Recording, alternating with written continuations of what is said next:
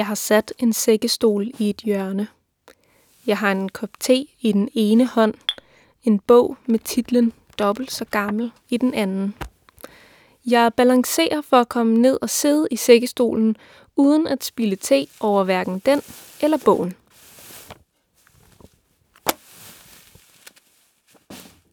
Det lykkes.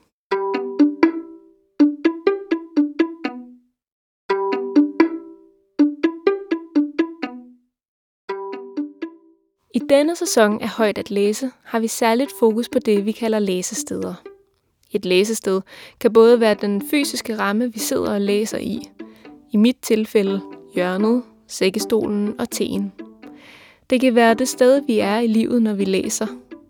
Og det kan være det sted, vi rejser hen i bogen, når vi læser. I tilfældet med dobbelt så gammel, er det en svensk skov, hvor der måske findes elge. I sæsonen kommer vi omkring højtlæsning for især 4-10-årige børn. Men lyt gerne med uanset hvad, for måske lærer du noget nyt om din egen læsning. Og hvem ved, måske gemmer der sig også en læseoplevelse for dig i bøgerne om Tænkende Tove, bogvandreren Tilly og Elias fra Slimfjorden, som vi kommer omkring i den her sæson. Mit navn er Lærke, og jeg er børnekulturformidler på Biblioteket Frederiksberg. Velkommen til Højt at læse, en podcast om højtlæsning. I dette afsnit har jeg fået besøg af læseforsker, underviser og forfatter Christiane Hauer. Altså, vil du have sådan en lang præsentation? Eller vil du? Sammen forsøger vi at nærme os, hvad det fysiske læsested har af betydning for fordybelse og læseoplevelse. Christiane har i sin forskning fokuseret på børn og unges selvlæsning, men som vi kommer ind på i afsnittet, er der en sammenhæng mellem børns tidlige læseoplevelser i højtlæsningen og netop selvlæsningen. Hjertelig velkommen til dig, Christiane, og tak fordi du vil være med i vores podcast. Jeg har inviteret dig af en særlig grund, øh, fordi i den her sæson af Højt at læse, så har vi særligt fokus på det, vi kalder læsesteder. Øh, I det her afsnit, så skal vi især snakke om den betydning af læsesteder, som handler om, øh, hvor du er, når du læser. Og øh, det har jeg en fornemmelse af, at du kan give nogle spændende bud på. Øh, vil du ikke begynde med at præsentere dig selv? Jo, det vil jeg gerne. Jeg hedder Christiane Hauer, og jeg øh, er forsker inden for øh, læsning og især altså, læseoplevelse og læse situationer, og i forbindelse med især skønlitterær læsning. Så underviser jeg nogle forskellige steder, også i fag, der har noget at gøre med litteratur og læsning og læseoplevelse. Øh, og så ved siden af skriver jeg også, når jeg har tid til det selv, skønlitterære bøger for voksne. Så øh, jeg sidder også nogle gange og forfatteren, der prøver at forestille mig en læser, der måske en dag skal læse den her bog. Som jeg nævnte før, så er vi interesseret i øh, de rammer, som øh, er med til at skabe læseoplevelsen. Og fordi du har den viden, du har, øhm, hvad det så også kan betyde for evnen eller oplevelsen af fordybelse. Og øhm, jeg oplever, at øh, øh jeg, der er mange voksne, der kommer til mig i børnebiblioteket og kan være øh, måske kan opleve en frustration over, at deres børn ikke kan sidde stille, eller har svært ved at koncentrere sig, eller øh, simpelthen har svært ved at fordybe sig i litteratur. Så jeg er nysgerrig på, hvordan vi kan hjælpe børns fordybelse øh, på vej, og i det her tilfælde, hvordan de fysiske rammer omkring læsningen så kan hjælpe den her fordybelse på vej. Og øh, jeg har læst noget af din, øh, dit phd projekt og du har sådan en, øh, en scene, nu må du hjælpe mig på vej, hvis jeg ja. husker forkert, med en 8. klasse, som får lov til helt selv at bestemme, øh, hvordan og hvor de vil ja. sidde, når de læser. Øh, hvad lagde du mærke til i de situationer, hvor, hvor børnene blev givet fri? Altså noget af det, som jeg synes var rigtig interessant, det var, at hjørnet var rigtig spillet en, en, stor, en vigtig faktor. Eller altså, hjørnet var i høj kurs i den der 8. klasse som et sted, hvor man trak sig tilbage til, når man skulle læse. Øh, og så var der også øh, i en af en af de her klasser, jeg kiggede på, der var én sækkestol, og når læreren øh, sagde, at nu måtte de sådan læse frit, så var der simpelthen fuldstændig konkurrence om den der sækkestol. Øh, sådan, så de altså, nærmest sådan sprang hen, og hvem fik den først? Øh, og så kunne man, kunne, var der faktisk plads til tre piger, kunne faktisk godt sidde i den der sækkestol der, sådan skubbet op i det der hjørne øh, ved siden af hinanden, og have det så hyggeligt med at, at læse. Men altså, det var også lidt trist, at der var den der ene sækkestol, og ellers så var der bare de hårde, almindelige stole. Øh, så det viste øh, i høj grad det her med, at øh, jamen, altså, man har brug for at, at have den her sådan, altså også kropsligt, også øh, at have nogle rammer, der er behagelige, altså så man ikke sidder på den hårde stol. Der var så faktisk også nogen, der sagde, at det skulle heller ikke være for behageligt, for så faldt man jo i søvn. Øh, men de her 8. klasser, det var jo ikke sådan, de bevidst øh, tænkte, nu skal jeg finde et godt læsested. Det skete bare, og det synes jeg er ret interessant, at vores kroppe øh, og vores sådan, i det, i det hele taget ligesom går, vi, når, vi, når vi skal læse, os der godt kan lide det især, så indretter vi sådan automatisk med noget hyggeligt. Altså, øh, og øh, der er sådan en fransk filosof, der hedder Bachelard, som har skrevet om læsning og rum, øh, som netop taler om det her med hjørnet som sådan et særligt sted, fordi man på den ene side, så er det, det er ikke et lukket rum, øh, det, det er sådan et halvåbent rum, men man sidder sådan trygt i et, og, og har ligesom trygge rammer bag sig, men der er også et, et rummet er også åbnet ud øh, til verden. Og på en eller anden måde, så, så det symboliserer det også ligesom det, der sker, når, når vi læser, at vi på en måde er lidt i os selv, og på en måde er åbne ud mod verden. Så på den måde hænger det ret fint sammen. Og de her børn har vel... Mm, nu det er et åbent spørgsmål. Ja. Øh, jeg forestiller mig, at de her børn har...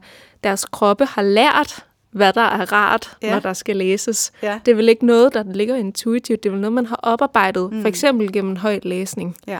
Eller hvad tænker du? Øh? Ja, og jeg tænker også, at, øh, at det især altså dem, der sprang hen til sækkestolen, det var nogen, der godt kunne lide at læse. Øh, fordi, ah, nu skal vi rigtig hygge os. Altså, og så var der nogle andre, der havde ret svært ved øh, overhovedet at etablere en, en læsesituation, hvor de var fordybet, både som noget, der var rart, og som, simpelthen også i forhold til deres koncentration. Men jeg lavede også nogle eksperimenter, hvor jeg sagde, at halvdelen af klassen skulle gå ud på skolen og læse i de her omgivelser, som jeg godt vidste, altså hvis man bare skal sidde og læse på en gang, så kan det godt blive ret uroligt.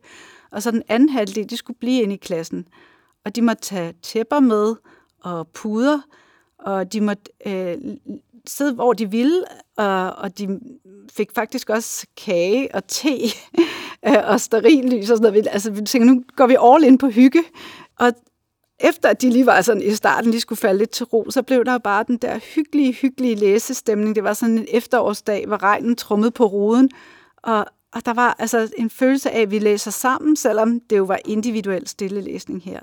Og så de andre, de var så ude i skolens fællesrum og prøvede også at sidde og læse, og så byttede klassen så på et tidspunkt, og så blev der så til sidst, så samlede, samlede vi jo op på det.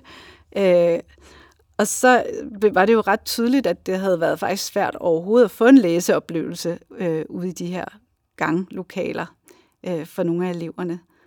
Så de fik selv en bevidsthed om, at, at der, der, det havde en betydning. Og det, det, jeg synes bare, det er interessant, at de 15-årige, øh, at det ikke er alle, der har... Du har fortalt, at der var nogen, der ja, intuitivt ja. søgte det hyggelige, men ja. der var også nogen, der måske ikke havde den kropslige erfaring ja. øh, med et, et, den fysiske ramme var, ja. kunne, kunne være rart at tænke over. Ja. Øhm, og jeg, ja, jeg, jeg vender ligesom tilbage til det der med, at, at det ligesom er nogle, nogle vaner og nogle kropslige erfaringer, man får ret tidligt ja. i livet, hvis man får læst højt. Ja. Fordi det minder jo enormt meget om de højtlæsningsstunder, ja. øh, som man sådan måske automatisk tænker på.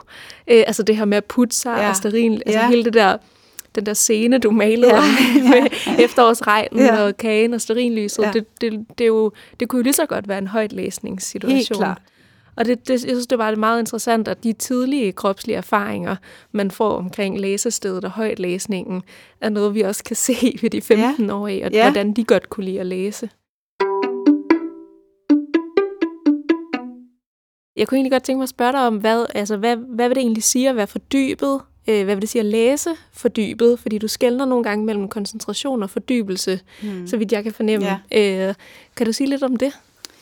Ja, altså, jeg har virkelig brugt lang tid på at undersøge det her forhold mellem læsning og fordybelse, fordi at, at jeg blev nysgerrig over, at øh, mange tit sagde, at ja, det var en rigtig god læseoplevelse. Jeg var virkelig fordybet. Jeg blev sådan helt fordybet i bogen. Men hvad er det, hvad er det for en fordybelse, vi taler om der, når vi, når vi taler om læsefordybelse? Øhm, og da jeg så ligesom sådan begyndte at undersøge det mere, så kunne jeg se, at vi måske nogle gange taler om nogle forskellige ting. Øh, og at der ligesom er forskellige facetter af den her læsefordybelse. Og noget af det, det har om, at gøre med koncentration og opmærksomhed, så man har ligesom kunne holde koncentration og fokus i læseakten, og ikke slippe og ligesom være fokuseret på at ryge ud af fokus, at blive adspredt. Men jeg kan sige, det er sådan, det er det at kunne mestre og læse fordybet, kunne man kalde det sådan. Men, der, men i høj grad, når vi taler om læsefordybelse, så er det jo, handler det jo om en oplevelse af at være sådan rigtig inde i bogen, være indlevet. Øh, så der er også sådan et oplevelsesaspekt i fordybelsen. Øh, så som måske mere knytter sig til nogle andre fordybelsesbegreber, som sådan noget som flow for eksempel, altså en oplevelse af at være i flow, øh, at være opslugt af noget. Og det er jo sådan meget lystfyldt, hvor måske det her med at skulle holde koncentrationen, det kan jo nogle gange godt være, at det ikke er så lystfyldt. Så det er der, hvor det bliver hårdt at skulle fordybe sig i læsning, kan man sige. Så der er ligesom forskellige dimensioner af det her fordybelse. Øhm, og vi, vi vil jo rigtig gerne alle sammen have læsefordybelsen, og nogle af os har bare let ved ligesom at springe ind og bare blive opslugt af en bog, øh, og det gælder jo også børn. Men nogle gange så handler det måske mere om det her med, at vi faktisk skal træne lidt, og vi skal over den der hurdle. Øh, og, og der er det måske netop især, at vi, vi kan få hjælp fra blandt andet omgivelser og øh, gode oplæser og andet. Jeg synes også, det er interessant at skelne mellem koncentrationen og fordybelse, mm. fordi øh, når jeg skal læse højt for børnehavegrupper, der kommer ja. på biblioteket, så øh, jeg prøver i hvert fald at, øh, hvad skal man sige, hjælpe børnene til at overskride deres første øh, ikke-koncentration. Ja. Altså ja. så snart de holder op med at være fuldt fokuseret på det, jeg laver. Øhm, men i virkeligheden så er det måske fordybelsen, jeg prøver, fordi at, at det så handler om at hjælpe dem dybere ind ja. i bogen. Ja. Altså så handler det om, at øh, så finder jeg et legetøj, der ligner ja. noget fra bogen, så vi ja. ligesom kommer ind i bogen ja. igen mere kropsligt, øh, sandsligt, eller jeg øh, laver mere om på min stemme ja. for at invitere dem ind i bogen.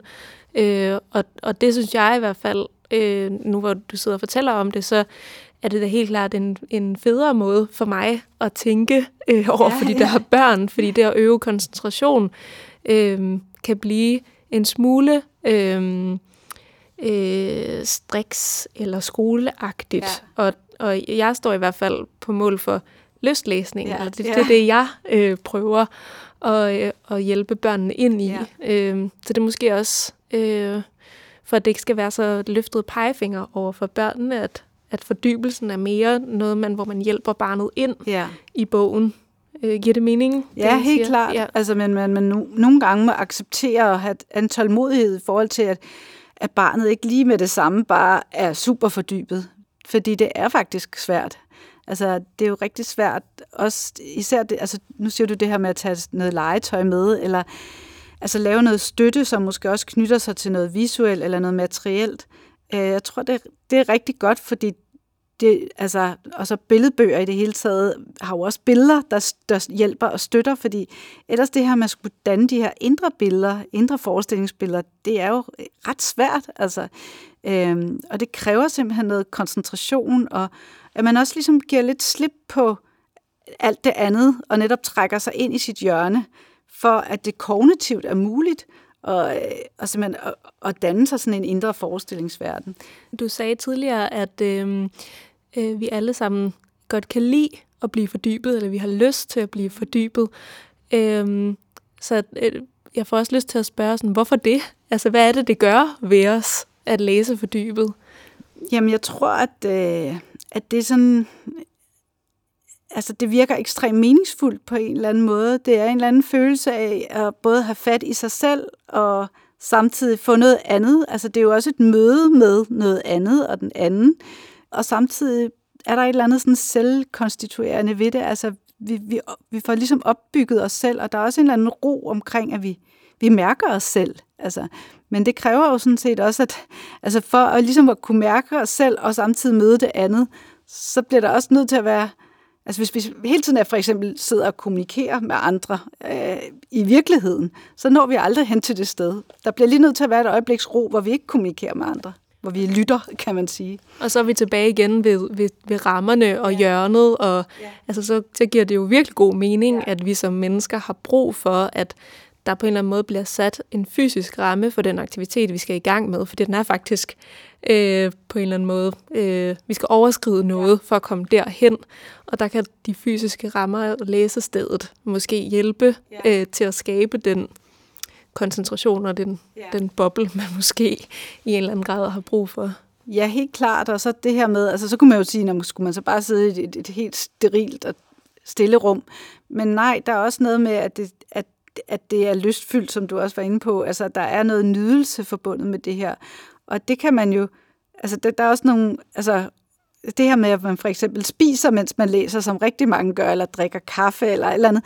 Altså, der, der, der er et andet med, at der bruger vi faktisk øh, nogle andre øh, stimulanser til nærmest sådan at forstærke det dejlige ved at læse. Øhm, så, og det kan man jo godt ligesom, ja, man kan godt ligesom arbejde med at lave den der forstærkning som et udgangspunkt, og man siger, at ah, nu laver vi lige en lille kop te, og så, så har vi ligesom lige rammesat situationen også ved, ved nu sidder vi og drikker te sammen.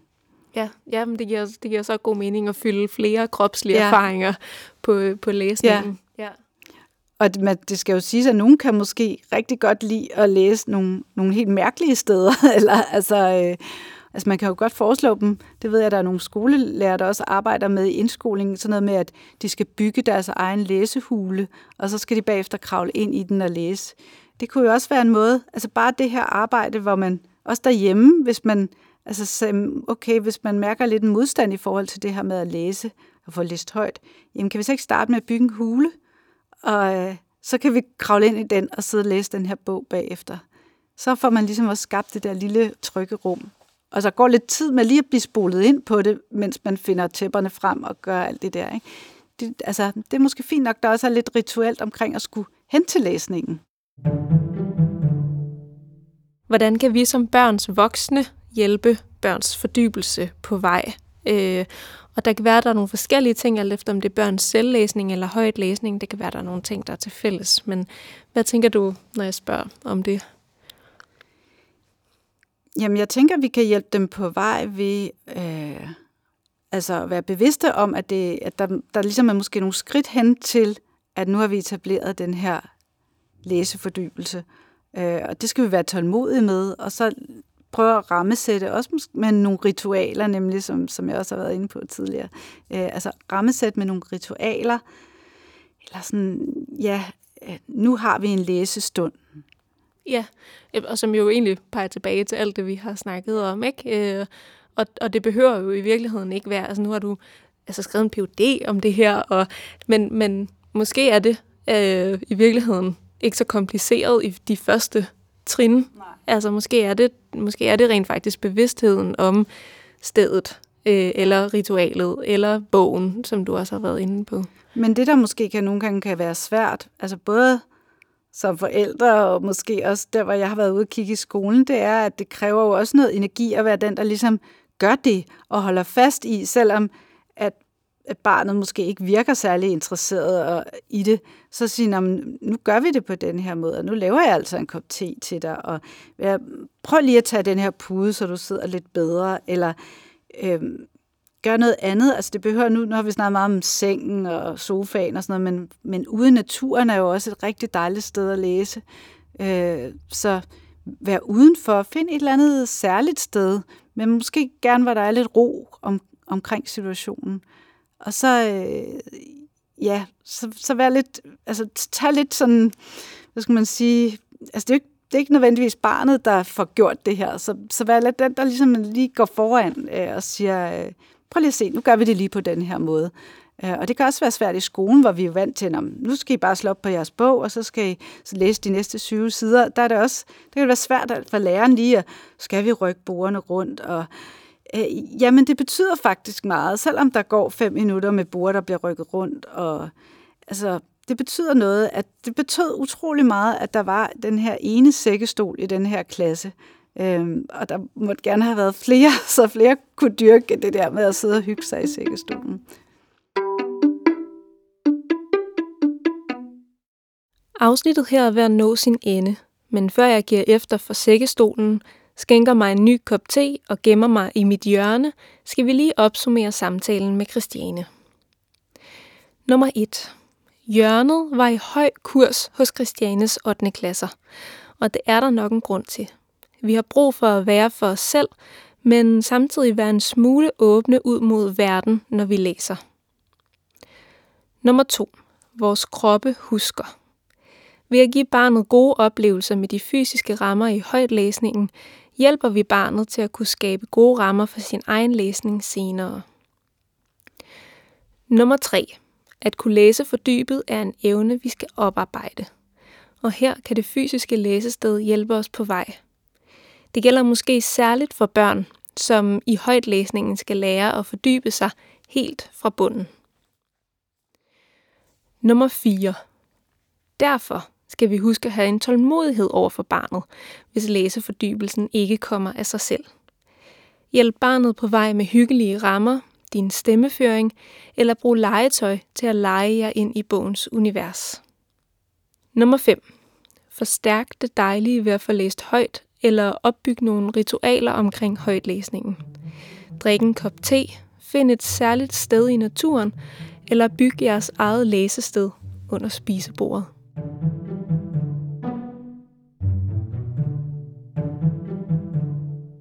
Christiane, her til sidst, så har jeg jo øh, spurgt, om du ikke ville tage en højtlæsningsbog med, som du gerne vil anbefale til andre.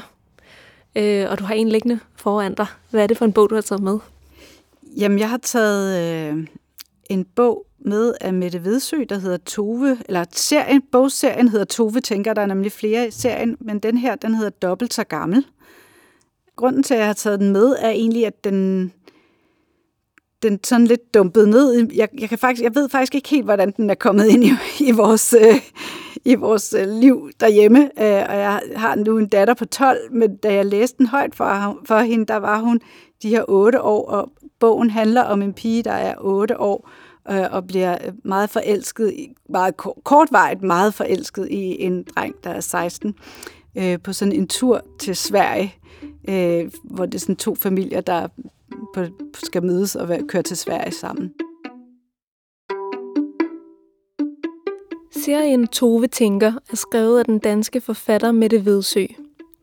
Mette Vedsø skriver ofte om tænkende børn, hvis refleksioner også sætter sig i læseren. I Dobbelt så gammel møder 8-årige Tove den 16-årige Kuk, som hun bliver enormt betaget af. Men 16 er dobbelt så gammel som 8, og det er svært at være Tove, når man fornemmer, at man stikker lidt ud fra det, de voksne synes er normalt. Et møde med en el i den svenske skov bliver dog et vendepunkt for hende.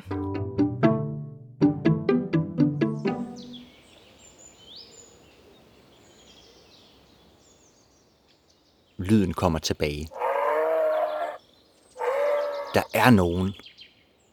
Hun kigger op misser med øjnene, og der foran en el. Den ser rolig ud.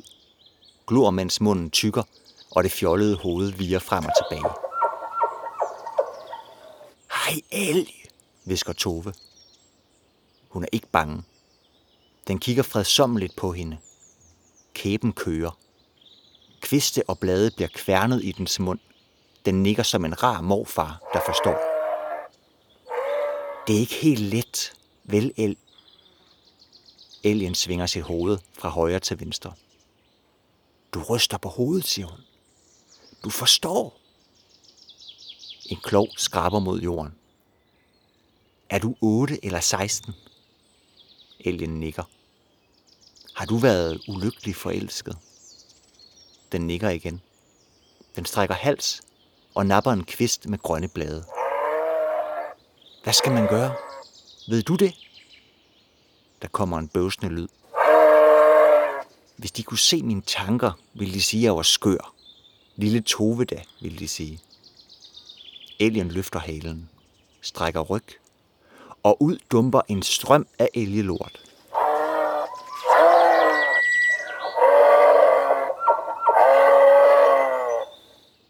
Det damper i skovbunden, og solen er ved at forsvinde for alvor. Så dem skal jeg bare skide på. Er det det, du siger? Alien glor igen, nikker, og Tove griner. Så vender den sig og træsker væk. Den korte hale svinger fra side til side. Den bliver mindre til en prik. Tak for snakken, siger hun. Du er faktisk skide klog. Men elgen er væk. Det er ved at blive mørkt, og hun træsker tilbage mod ilden og alle stemmerne. I det mindste var der en, der lyttede. Når der ikke er andre, er det rart, der kommer en el forbi.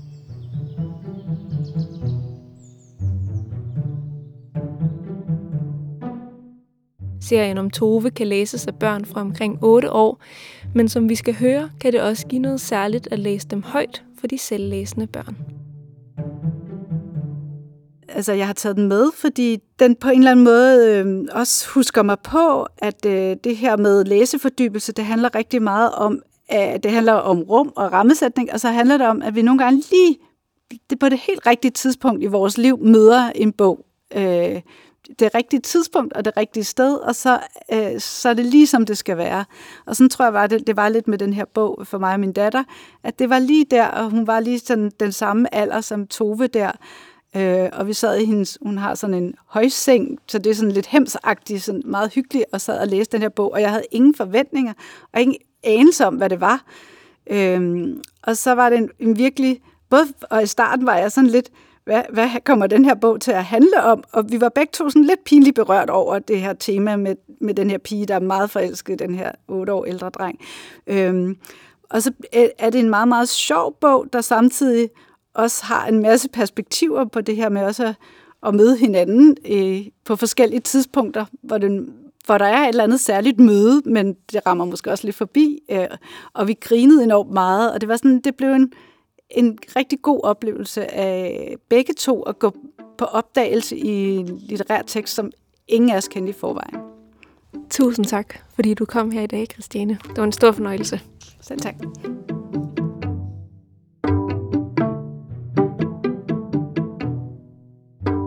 Tak, fordi I lyttede med. En stor tak til Christiane Hauer for en spændende samtale om læsesteder og fordybelse. Og en særlig tak til selv samme for at sætte ord på, hvorfor jeg altid søger hjørnet, når jeg læser. God læselyst derude. Vi ses i hjørnet.